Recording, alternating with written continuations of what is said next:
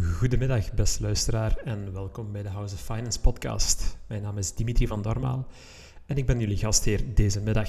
Met de House of Finance podcast trachten wij de complexe wereld van economie en financiën op een zo helder mogelijke manier toe te lichten, zodat u betere financiële beslissingen kan nemen in uw eigen leven.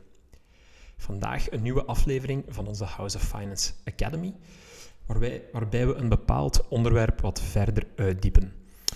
Bij House of Finance bouwen we ons advies rond vermogensopbouw op rond negen puzzelsstukken. Het thema van vandaag past onder het puzzelstuk beleggingen. Vandaag wil ik het namelijk graag even hebben over aandelen. Meer bepaald, wat is dat nu, een aandeel?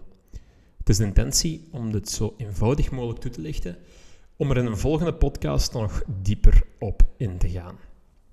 Let's get started. Wat is nu eigenlijk een aandeel? Dat is een term die we heel vaak horen, die ik ook vaak gebruik in mijn avondupdates. Maar wat is dat nu juist? Een aandeel is een deelbewijs van een onderneming. Als je een aandeel bezit, ben je eigenlijk mede-eigenaar van dat bedrijf. En er zijn drie manieren om aandelen te verwerven. Een eerste manier, je richt een nieuw bedrijf op, alleen of met andere mensen. Tweede manier, je koopt bestaande aandelen van iemand anders. En een derde manier, je tekent in op de uitgifte van nieuwe aandelen. Ik ga deze drie manieren eventjes verder toelichten. Manier 1, je richt een nieuw bedrijf op. Dus je hebt een interessant business idee, je maakt een businessplan en een financieel plan op en daarmee stap je naar de notaris. Je hebt een bepaald startkapitaal dat je stort op een rekening en met dat kapitaal ga jij aan de slag. In ruil voor de oprichting van die vennootschap ja, krijg jij aandelen van het nieuwe bedrijf en ben jij eigenaar. Eigenlijk heel simpel, je kan dat doen alleen of met meerdere personen, maar een vrij bekend concept. Je richt een nieuw bedrijf op en je bent aandeelhouder van dat bedrijf. De tweede manier, je koopt bestaande aandelen van iemand anders.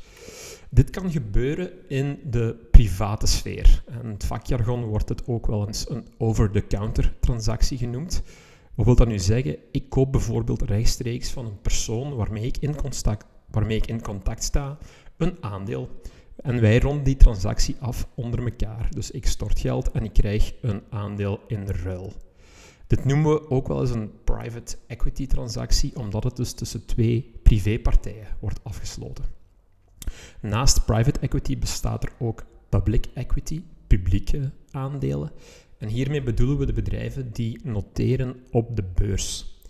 En via de beurs kan je aandelen kopen en verkopen van genoteerde bedrijven via een tussenpersoon zoals een bank of een investeringsfonds. Je kent met andere woorden de tegenpartij niet. Van wie je dat aandeel koopt, weet je eigenlijk niet. Dat verloopt via een beurs. En de verkopende partij, dat kan eender wie zijn, waar ook ter wereld. En dit is wat er dus bijvoorbeeld gebeurt op de Brusselse beurs, de, ehm, ja, de, de Belgische beurs, de Euronext Brussel, of in de Verenigde Staten op de New York Stock Exchange. De derde manier is dat je intekent op de uitgifte van nieuwe aandelen. Dit is eigenlijk de initiële reden waarom een beurs eigenlijk bestaat. Een bedrijf wil groeien en het wil daarvoor extra fondsen aantrekken. En met die fondsen nieuwe investeringen doen om verder te groeien.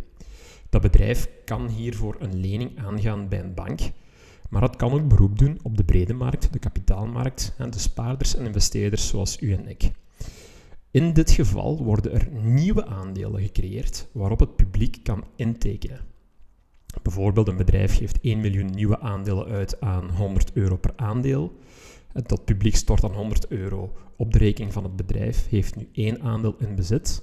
Het bedrijf krijgt 100 miljoen op de rekening en kan daarmee de investeringen die het plant verder gaan uitrollen. Dit gehele proces noemt men een IPO of een Initial Public Offering. Ja, en dat vormt dus eigenlijk de initiële bestaansreden van een beurs, de groei van een bedrijf financieren. Zodra die aandelen zijn uitgegeven, noteren ze op de beurs en kunnen ze dus vrij verhandeld worden op de publieke markt, zoals ik eerder heb uitgelegd. Dit noemt men ook wel eens de secundaire markt. Ik herhaal nog even de drie manieren om aandelen te vergaren in een bedrijf. Je richt een nieuw bedrijf op. Ten tweede, je koopt bestaande aandelen van iemand anders En ten derde, je tekent in op de uitgifte van nieuwe aandelen. Een aandeel, wat brengt dat nu met zich mee? Een aandeel dat geeft u bepaalde rechten. Je deelt namelijk mee in de winst van een bedrijf volgens de verhouding van jouw percentage in het kapitaal. Je krijgt ook stemrechten in de algemene vergadering. En dit is een bestuursorgaan dat de controle uitvoert op het management en de bestuurders van het bedrijf. En doorgaans ook goedkeuring moet verlenen voor belangrijke transacties, zoals bijvoorbeeld overnames of het ontslag van een, uh, van een bestuurder of een CEO. En daarnaast profiteer je als aandeelhouder ook mee van de stijging van het koers van een aandeel, maar neem je ook het risico dat de koers van het aandeel daalt. Dit is een van de fundamentele eigenschappen van een aandeel. Um, het is een risicovolle um, ja, activa-categorie. Dat dit wil zeggen, je kan je volledige inleg verliezen, maar anderzijds heb je ook een upside-potentieel dat ongelimiteerd is. En dit is een beetje de asymmetrische uh, kenmerk van een, van een aandeel. Je kan alles verliezen, maar je potentieel is veel meer dan 100%. Je kan maal 2, maal 3, maal 4 en zo verder evolueren. Wat bepaalt nu de waarde van een aandeel? Dat is eigenlijk heel simpel. Een aandeel is waard wat de gek ervoor wil betalen.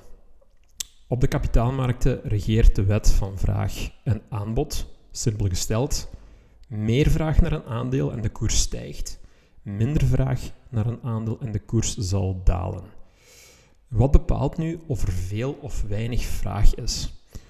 En hier zijn heel erg veel benaderingen die je kan uh, hanteren.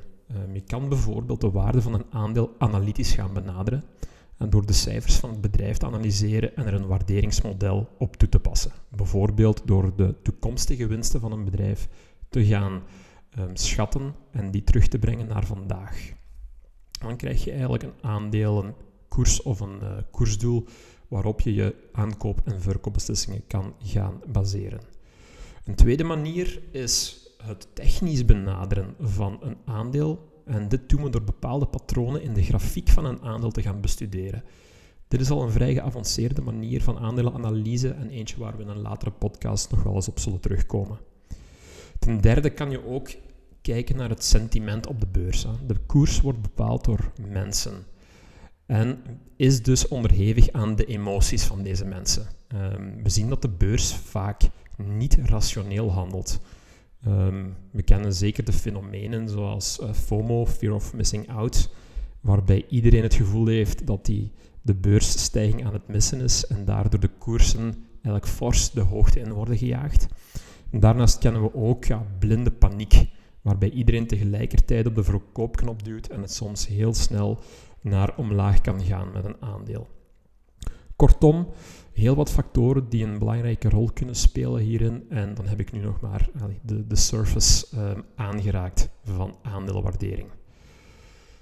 Ik hoop dat ik hiermee een eerste goede introductie over aandelen heb gegeven. En daarmee gaan we ook meteen de podcast voor vandaag afronden. En volgende podcasts gaan we steeds een laagje extra complexiteit toevoegen.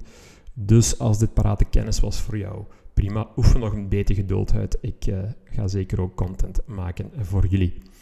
Tot slot, als jullie onze podcast interessant vinden, geef ons dan zeker 5 sterren in Spotify. Dat zouden we heel erg appreciëren. En als er vragen zijn, bezoek even onze website www.houseoffinance.be en stel ze gerust in ons uh, contactformulier. Tot een volgende keer. Bye bye.